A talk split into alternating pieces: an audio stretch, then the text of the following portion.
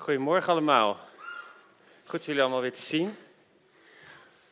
Voor uh, hoeveel van jullie uh, voelt uh, vakantie al heel lang terug? Heel lang. Zijn er ook nog mensen die pas teruggekomen zijn? Bijna niet. Oh, daar. Ja, leuk.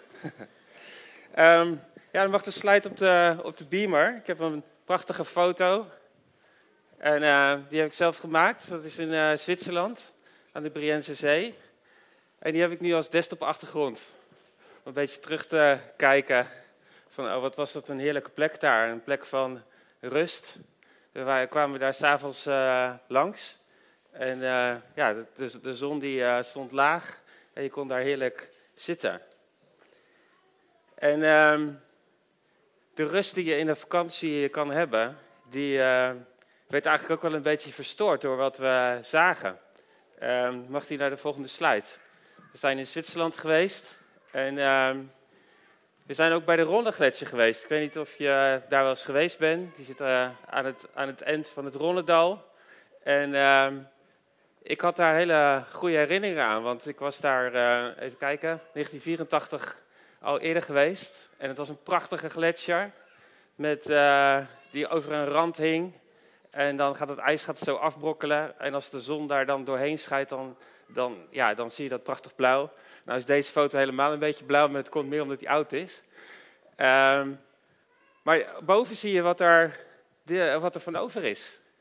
Dat is 2022. Het is een uh, ja, rotsen en een meertje. Heel veel meer is het niet.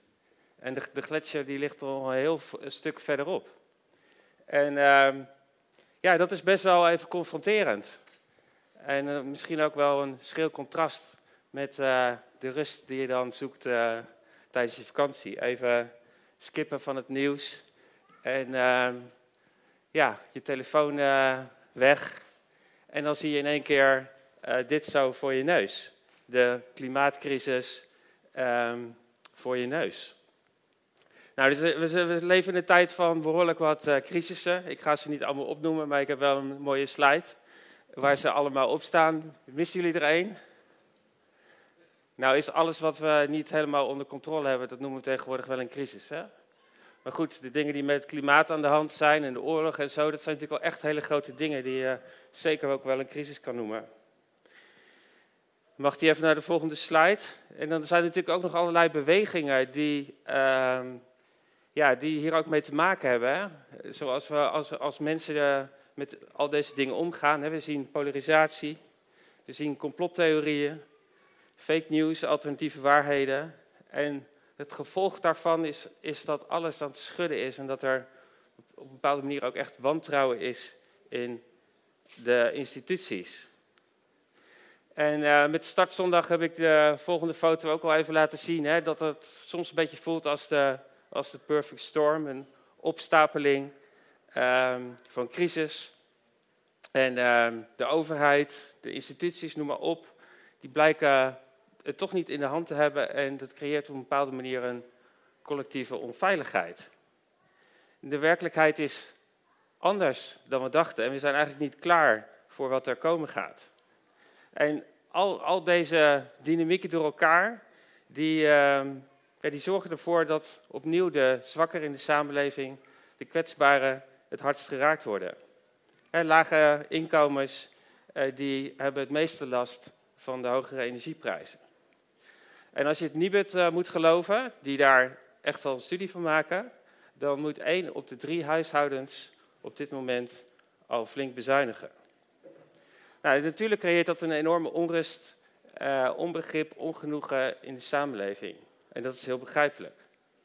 En dat is, dat is het, zeg maar, heel in het kort een plaatje van als je om je heen kijkt, wat we dan allemaal zien. En het is eigenlijk best wel slecht nieuws allemaal. Maar als we dat nieuws laten rusten en we, we kijken omhoog, wat zien we dan? Wat, wat is Gods perspectief op deze tijd? Wat is Gods perspectief voor zijn kinderen, voor de kerk in deze tijd? Nou, ik kwam bij Psalm 112, vers 6 en 7 uit. Ik heb hem hier even in het Engels. Hij staat ook op de beamer. Surely the righteousness of the righteous will never be shaken. They will be remembered forever. They will have no fear of bad news. Their hearts are steadfast, trusting in the Lord.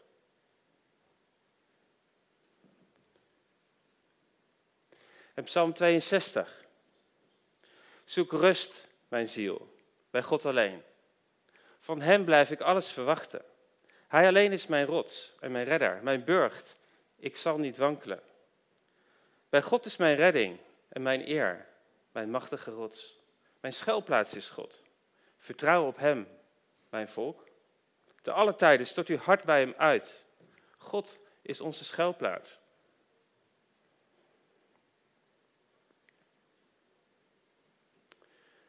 Gods perspectief is een perspectief van hoop. We hoeven niet verpletterd te worden door de golven van nieuws over crisis op crisis.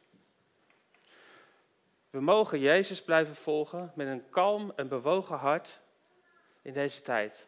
Maar dat is eigenlijk helemaal niet zo eenvoudig. je denkt misschien van ja, uh, lekker zeg, rust, redding, uh, niet wankelen. Jij hoeft mijn gasrekening niet te betalen. En ik zit in de stress en ik maak me wel degelijk zorgen. Ik maak me zorgen over het klimaat. In wat voor wereld moeten mijn kinderen straks leven? En er is inderdaad reden genoeg om je zorgen te maken. En toch heeft God voor zijn kinderen, voor zijn kerk, een deur naar een andere realiteit. En dat is niet een soort fake realiteit of een escape, maar het is echt. Want dat is wat hier staat. Er is een deur van belofte, er is een deur van voorziening, van redding en beschutting. Een plek om je zorgen te uiten. Een plek van relatie en je hoeft er niet alleen doorheen. Hij is bij je, ook al schudt werkelijk alles om je heen. En de kerk heeft in het plan van God ook een rol, een rol te vervullen. al is het alleen maar door solidair te zijn met hen die het zo moeilijk hebben nu. En die vastkomen te zitten in ja, de systemen van, van onrecht van deze tijd. De, de kerk, de, de mensen die Gods belofte kennen, die mogen heel anders zijn. Die mogen anders naar deze tijd kijken. Wij mogen anders naar deze tijd kijken. En wij zouden vanuit een kalm, een bewogen hart in deze tijd mogen staan. En ook naar de mensen om ons heen. Een hart dat, dat staat op de rots. Ja goed, kijk, als we, als we even wat, wat, wat uitzoomen, vind ik altijd wel mooi om te doen. Dan worden dingen kleiner en zo, krijg je wat overzicht. Maar je kan ook naar deze tijd kijken als een, als een soort transitiefase. Met hele grote veranderingen, maar we weten nog niet precies waar het heen gaat. Het, hoe we het gedaan hebben de afgelopen honderd jaar, dat werkt niet meer. Het kapitalisme, dat werkt niet echt. We plegen roofbouw op, op de aarde, noem maar op. Er zijn een hele hoop dingen die, die anders moeten. Nou, dat betekent dat er dus ook een, een nieuw tijdperk aankomt. Maar we zitten nu in een soort in-between, een, een, een tussenfase, een grijs gebied.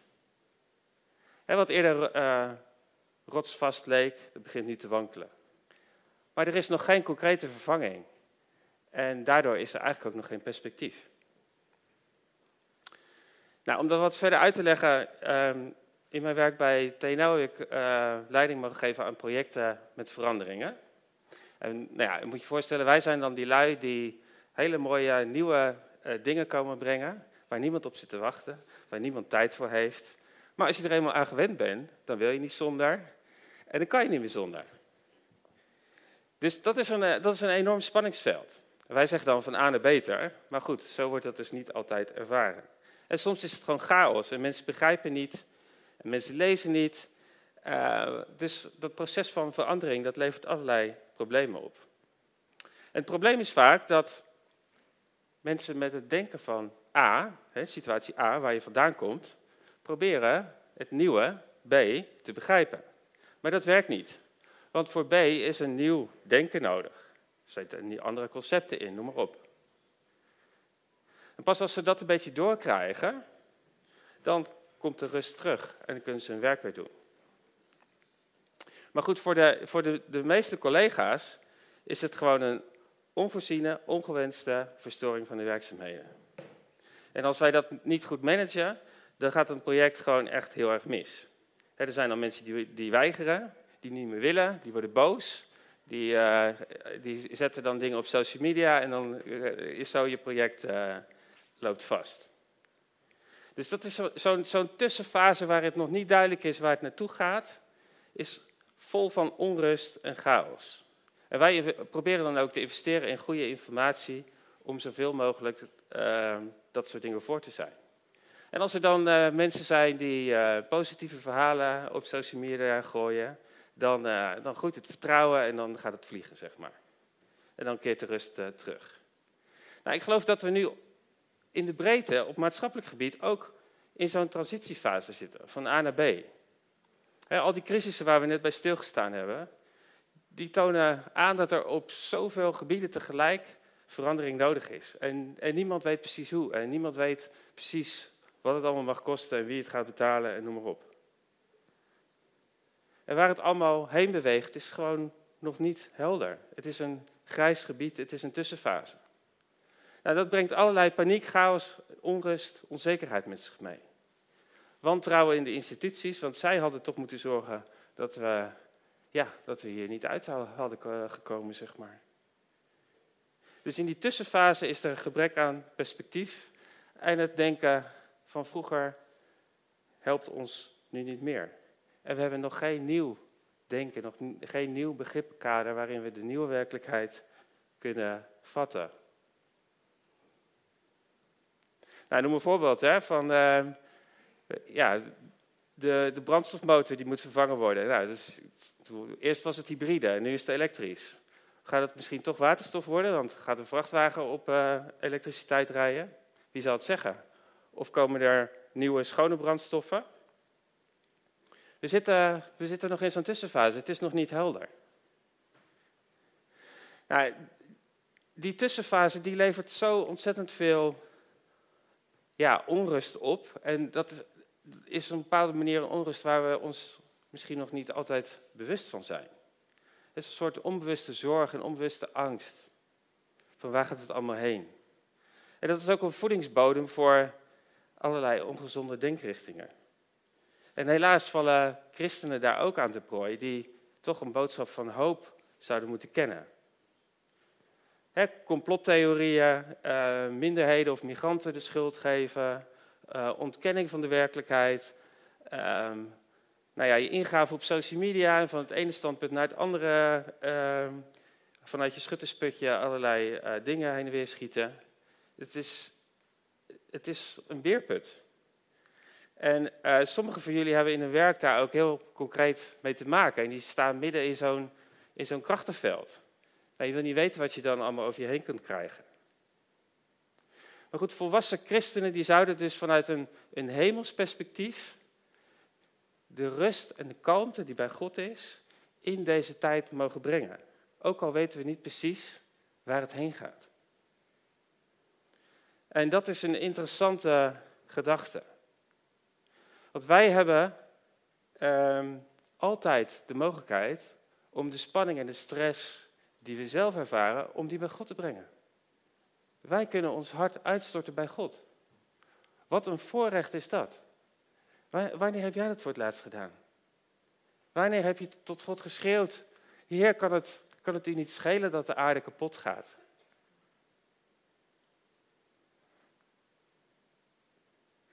Er is iemand waar we heen kunnen gaan in alle chaos, alle zorgen, alle paniek, alle onrust. En misschien voel je dat, eh, ervaar je dat helemaal niet zo. Kan ook, hè? Maar het geheim is Jezus zelf. Nou, misschien even een vraag. Zijn er nog, ja, er zijn nog wat kinderen in de zaal. Um, wat zou jij doen als je een tijger tegenkomt? Verliezen? Nee? Iemand anders? Rennen. Zijn er nog meer reacties? Schreeuwen. Ik, wat hoor ik daar? Bevriezen. En zijn er ook nog mensen met meer moed in de zaal? Groot maken. En uh, nog alternatieven? Stoppen. Verstoppen, ja. Nou, er zijn eigenlijk uh, een aantal reacties hè, die we, reflexen, die we standaard hebben op, op gevaar. Wacht even naar de volgende slide. Nou, dat is uh, vechten, vluchten of uh, bevriezen. Ze zijn allemaal langsgekomen. Ja, het icoontje had anders moeten zijn. Jammer. Maar dat zijn drie, drie basisreacties of drie basisreflexen. Nou ja, vechten, in de aanval gaan, uh, vluchten, wegrennen, terugtrekken, afhaken, noem maar op. Nou, bevriezen als aan de grond genageld zijn of een bepaalde verlamming. Um, dat zijn allemaal verschillende reacties op spanning, stress. En uh, als je dus een tijger komt, dan maak je dat allemaal heel, heel bewust mee. Hè? Dat is in your face. Maar de dingen die nu allemaal op ons afkomen, dat is, gaat veel subtieler. Dat, dat, dat is niet zo in your face. En ergens ook weer wel. Maar wat dat met ons emotioneel doet, um, ja, dat is misschien wel een wat meer onbewuster proces. Nou ja, je kan je ook voorstellen, hè, mensen vinden elkaar online in een van die vakjes. Van nou, we moeten actie voeren, we moeten vechten, we moeten, ja, of uh, we gaan lekker uh, freezen, gaan ontkennen. Nou, het valt allemaal wel mee en het is al jaren zo. En in de ijstijd was het ook, nou ja, noem maar op. Dus hoe krijgen we dat bij elkaar? Dat is eigenlijk onmogelijk. Dus het is echt, nou ja, misschien wel moet het woord gebruiken, godsonmogelijk. En een community die dezelfde denkbeelden of dezelfde complottheorie aanhangt, die vinden houvast in een tijd van verwarring. In een eigen verhaal.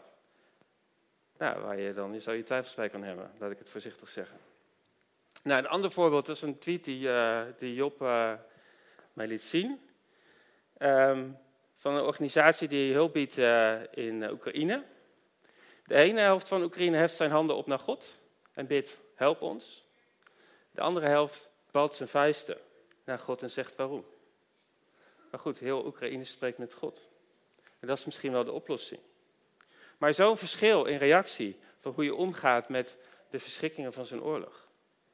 Maar ik denk dat er een vierde weg is om met dit soort dingen om te gaan. En dat is de weg die Jezus ging. En die heb ik face genoemd. Onder ogen komen, dealen met de werkelijkheid, er moedig doorheen gaan en standvastig blijven staan. Dat is de weg van Jezus. Zo ging hij om met de verzoeking in de woestijn. Hij rende niet weg, hij vluchtte niet weg en hij wist wat hij moet zeggen. Hij bevroor niet. Hij kwam het onder ogen en hield stand door heel eenvoudig de waarheid te spreken die God op zijn hart had gelegd. En uh, ja, Rosemarie noemde vorige week het voorbeeld van Jezus in Gethsemane. Ik denk dat dat echt een heel diep face moment is waar Jezus zijn, ja, zijn diepste emoties onder ogen kwam. En dan toch kiest voor gehoorzaamheid aan zijn vader. En laten we deze Jezus volgen, die met een kalm en bewogen hart gehoorzaam was. En we hebben elkaar daar ook bij nodig. En we zijn allemaal mensen, we gaan allemaal door dit soort dingen heen. En we doen het ook allemaal op een andere manier en er is helemaal niks mis mee. En uh, ja, de, de lasten van de onbewuste en bewuste zorgen die we deze tijd met zich meebrengt, die kunnen we ook met elkaar delen.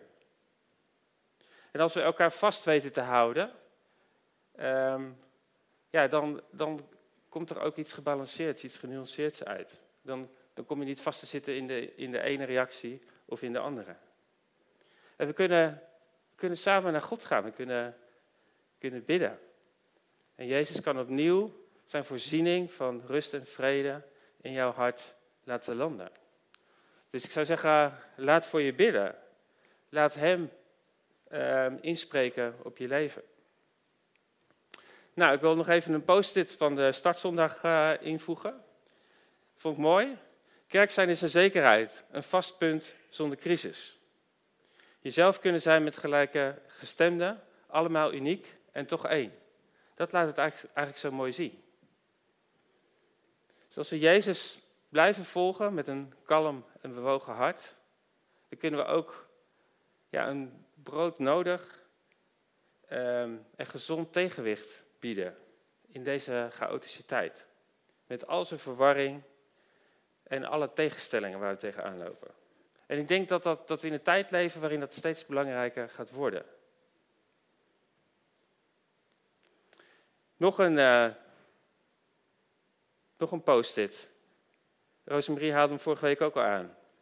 De kerk dient een plek te zijn die moedig stand houdt tegen de grote en kwade denkrichtingen van deze tijd. Populisme, racisme, vreemdelingenhaat, klimaatontkenning en fascisme. De kerk moet met begrip voor angst van mensen dit moedig weerstaan en een beter antwoord bieden. Vind ik echt een heel mooi verlangen.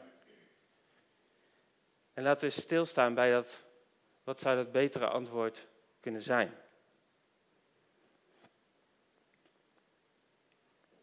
Ik denk dat dat betere antwoord uh, kan zijn het, het zijn van een non-anxious presence in deze tijd. Dat is een begrip wat komt van Edwin Friedman, een Joodse rabbijn en therapeut. Die heeft dat begrip uh, geïntroduceerd.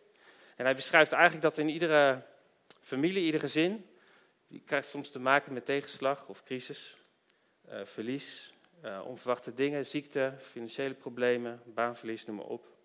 Wat, wat dan leidt tot, ja, tot een crisis in, de, in die familie of in dat gezin. En mensen kunnen dan in paniek raken. En op elkaar op irrationele manier gaan behandelen.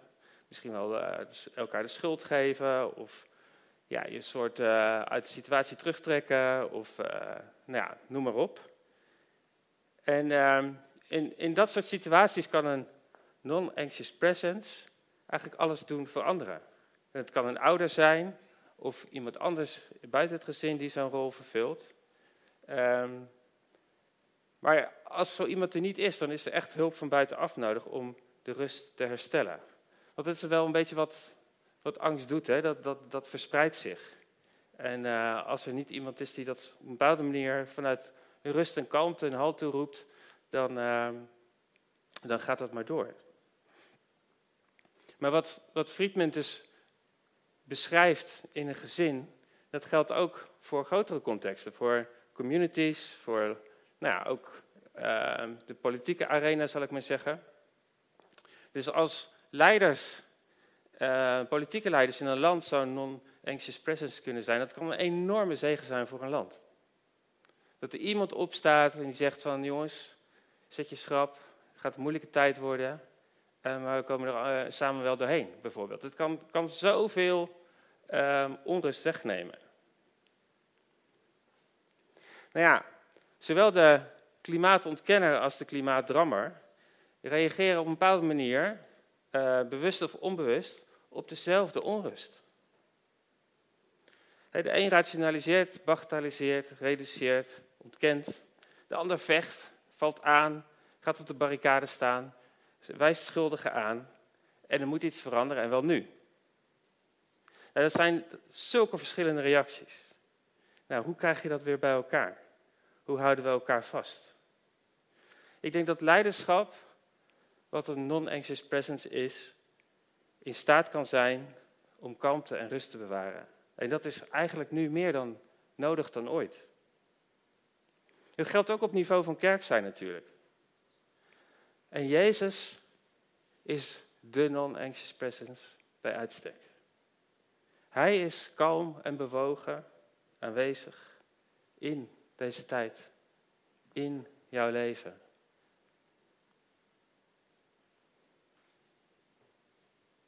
Hij is bij ons. Met kalmte, met rust, met vrede. En zijn aanwezigheid kan de dingen omkeren. En harten weer tot rust brengen. Dus als we Jezus volgen eh, en in relatie met Hem ons hart uitstorten, dan kan Zijn rust en Zijn vrede ons hart vullen. En dan kunnen we van daaruit gaan doen. Want er is ook wel wat te doen. Er ligt ook een opgave. Maar vanuit die rust en die vrede kan jij ook een non-anxious presence zijn op je werk, in je gezin. want dit is een, een, een molen van informatie die, die op ons allemaal komt. En we moeten dat allemaal ergens processen. En we moeten daar allemaal een soort chocola van maken. Van wat, wat is hier nou het grote ding wat overblijft als alle details vervagen? Ik denk dat deze tijd echt wacht op mensen die geleid door de Heilige Geest zich niet gek laten maken, dat die mensen zichtbaar mogen worden. Zich niet laten leiden door de verwarring, de onzekerheid. We hebben in deze tijd opnieuw het spreken van God nodig. En het, en het juiste begrip van, het, van, van het nieuwe, wat we nog niet helemaal kunnen zien. Hebben we zo nodig. Dus laten we Jezus volgen met een kalm en rustig hart. En als christen hebben we echt de mogelijkheid om heel anders in deze tijd te staan. Wij hebben een, een hoop die anderen niet hebben. En de vraag is dus, wat, wat doe jij in die tussenfase? Wat doe jij in die between-periode? Huilen we mee met de wolven? Kiezen we een pro of juist een contra-kamp? Wat slinger jij op social media? Wie geef jij de schuld van dingen? Of steek je je kop liever in het zand? En wat laat jij na wat je wel kan doen, omdat het toch geen zin heeft? Kortom, waar ben je aan het vechten, waar ben je aan het vluchten? Of waar ben je misschien bevroren geraakt in deze tijd? En als je daar zit, dan snap ik dat heel goed, want dat zijn gewoon basic human reacties. Maar daar, er is iets anders mogelijk voor ons. En wat het eigenlijk aangeeft als je daar bent, is dat je gewoon een face momentje nodig hebt met Jezus. Dat er weer rust komt in je systeem, zodat je vanuit daar uh, kan handelen en vindt wat je hand, of wat je, uh, dat je daar, zeg maar, wat je hand vindt om te doen, dat je dat kan, kunt oppakken.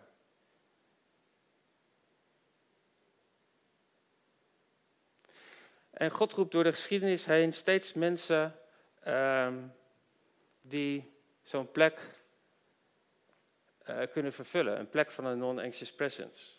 Hij geeft steeds mensen een rol of een taak om um, ja, zijn, zijn volk, uh, anderen te leiden uh, naar een nieuw tijdperk. Hoe de dingen ook veranderen, hoe alles ook schuift en wankelt. En God heeft steeds mensen op het oog die hij roept om een verschil te maken. Om dingen om te keren. Niet door kracht, macht of geweld, maar door Gods geest. Nou, denk aan Mozes. Mozes is zo'n man die door God geroepen wordt. En ik denk, ik denk dat Mozes echt een non-anxious presence geweest moet zijn.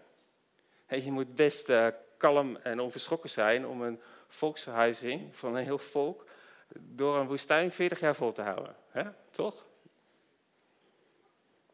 Maar de Bijbel laat het, het echte, het eerlijke verhaal zien. De Bijbel laat al die feestmomenten uh, van Mozes en God zien.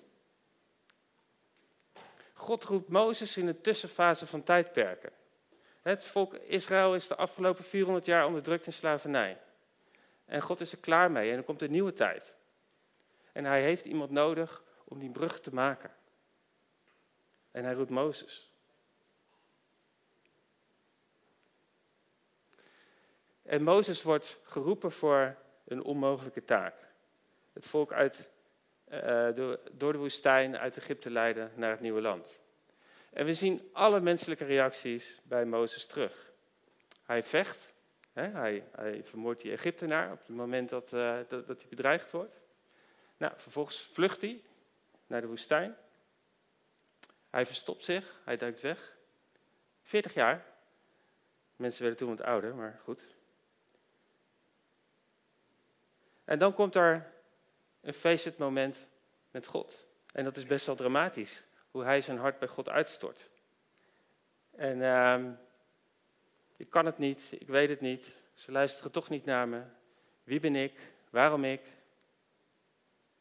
Maar in dit feestend moment um, komt de rust terug. En God geeft antwoorden. Hij voorziet. Zijn broer eh, mag mee om hem te helpen.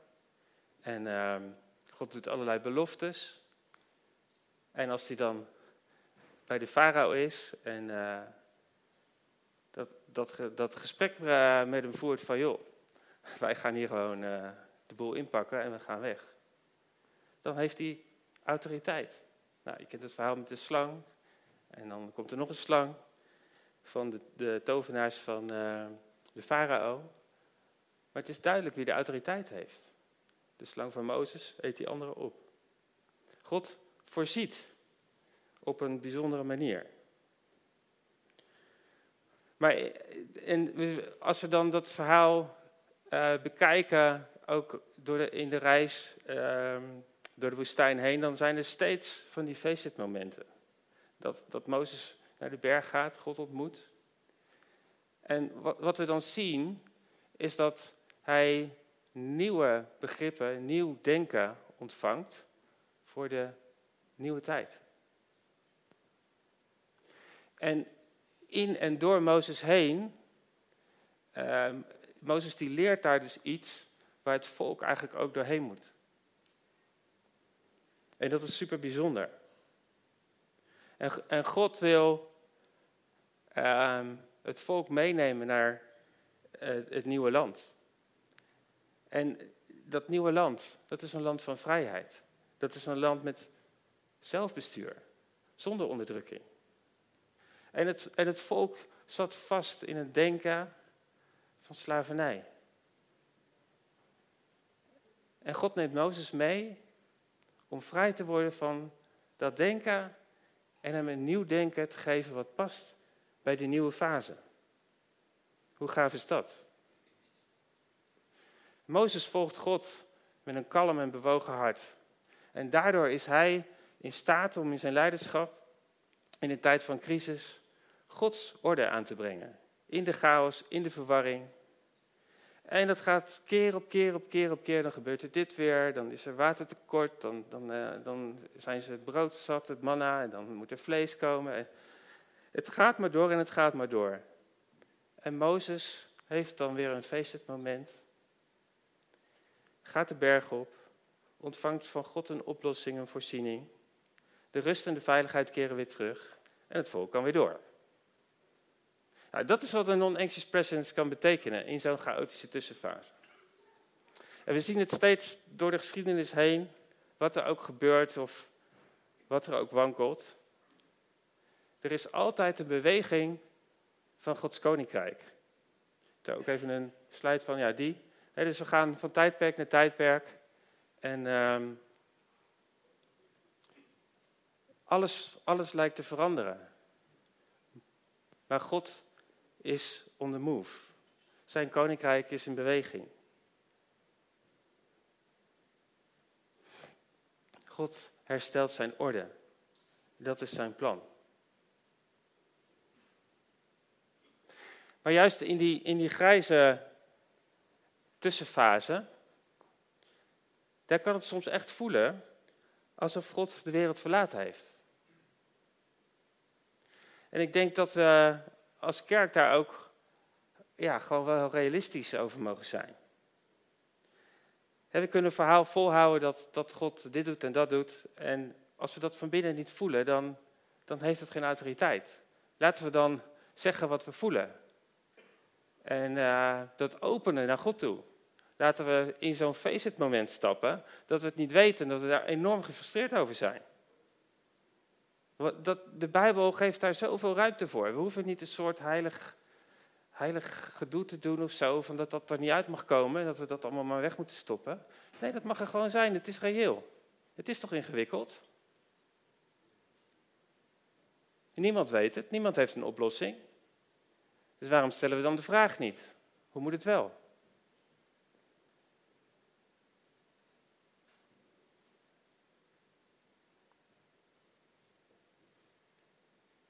Nou, in, in de Bijbel vinden we zoveel voorbeelden van mensen die in zo'n chaotische tussenfase het echt even niet zien en het gewoon niet weten hoe het verder moet. En dat is helemaal niet erg. Er is een feestmoment nodig. Nou, Job uh, noemde die, die, tekst aan het begin al even. Hè? De, discipelen in de boot tijdens de storm op het meer. Ze zaten duidelijk in crisis. En het was zelfs een crisis waar Jezus bij was. Maar ze, ze, zagen het niet, ze pakten het niet. En ze hadden heel eenvoudig een feestmoment nodig. Heer, kan het u niet schelen dat we vergaan? En dan staat Jezus, de non-anxious presence, op en stilt de storm. En hij zegt, zwijg wees stil. Nou, zei hij dat tegen hun harten of tegen de wind? Misschien wel beide. Nou, denk aan het tijdperk van het oude verbond. Als Jezus, uh, Jezus is gekomen in die in-between fase tussen het oude en nieuwe verbond. En de discipelen zitten ook in die tussenfase. Als Jezus uh, gestorven is, dan is hij opgestaan. En uh, vervolgens gaat hij naar de hemel. Dan is er ook zo'n zo'n bizarre tussenfase van, hé, hey, wat is hier allemaal gebeurd? Gods koninkrijk kwam met kracht en het is, Jezus is weg. En het enige waar de, wat de discipelen hebben is zijn belofte van dat de Heilige Geest komt. En wat ik, wat ik dan zo mooi vind, is dat, dat Jezus hen niet alleen laat in die grijze tussenfase. Hij geeft een hele duidelijke instructies. Zoek elkaar op, houd elkaar vast. En bid. Vast. En wacht op de Heilige Geest.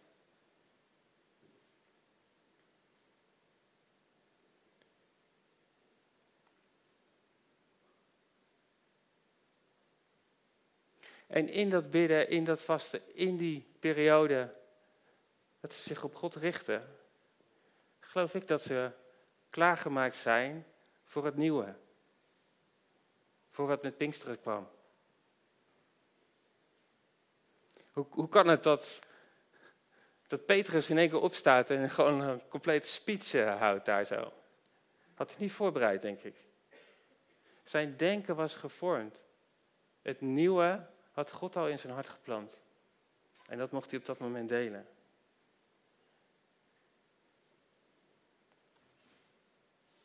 En ik denk dat, dat God ons ook op zo'n manier wil gebruiken. Misschien wel juist in deze tijd.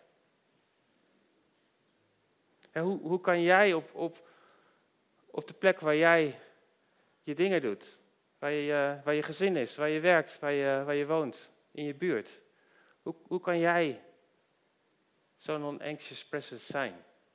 Hoe, hoe kan jij, zeg maar, misschien wel kleine puzzelstukjes uit het nieuwe van wat God voorbereid heeft voor de toekomst, voor de tijd die gaat komen, hoe kan je dat uitdelen aan anderen? En denk daar eens over na. Dat werkt voor ieder van ons natuurlijk ook weer anders. Hè? God spreekt uh, op verschillende manieren tot verschillende mensen. Dus je mag daar ook je eigen weg in ontdekken.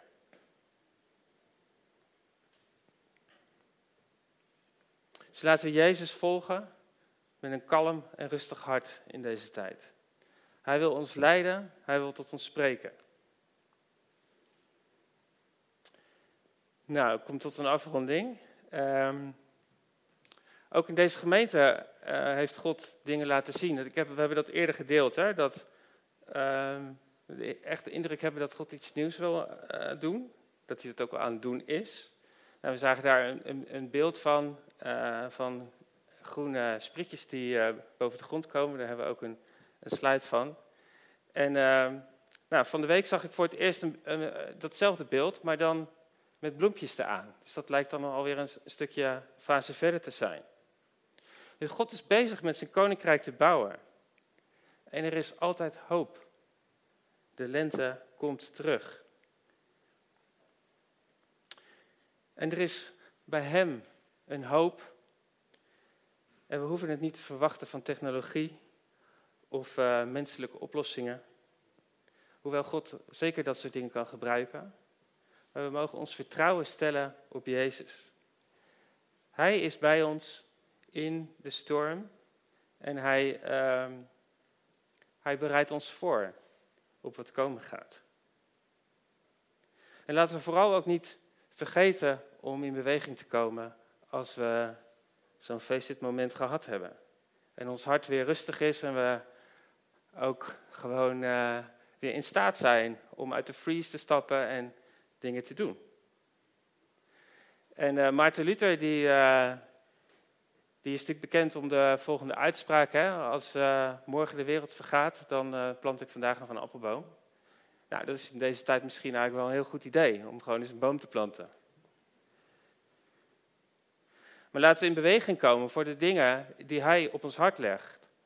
En uh, laten we uit, de, nou ja, uit, uit misschien ook wel het, het, het dwingende narratief stappen van, als het bijvoorbeeld gaat over de klimaatcrisis. Hè, we, er zit best wel wat schuld en schaamte omheen. Van, we hebben het zelf kapot gemaakt, we moeten het zelf ook fixen. En je moet dit en je moet dat en je moet zus en je moet zo. Er zitten zeker goede, goede dingen in, hè? begrijp me goed. Maar het gaat even om de, om de mindset die erachter zit. En het vertrouwen wat we dan eigenlijk hebben in ons eigen kunnen en de technologie die dat moet oplossen. Van, vanochtend wil ik jullie echt uitdagen om in deze tijd je vertrouwen op Jezus te stellen. En alleen op Hem. En Hij wil ons inspireren met een denken wat past bij de dingen die komen gaan. En ik denk dat de kerk een ontzettend mooie plek is om dat met elkaar te ontvangen. En we hoeven niet blind de, ja, de, de volgende tijdperken in te wandelen. Hij is bij je, hij is nu bij je, hij is morgen bij je. En op ieder moment van de dag kan jij een download ontvangen van uh, wat er aankomt. Dus laten we samen Jezus volgen met een kalm en rustig hart. Amen.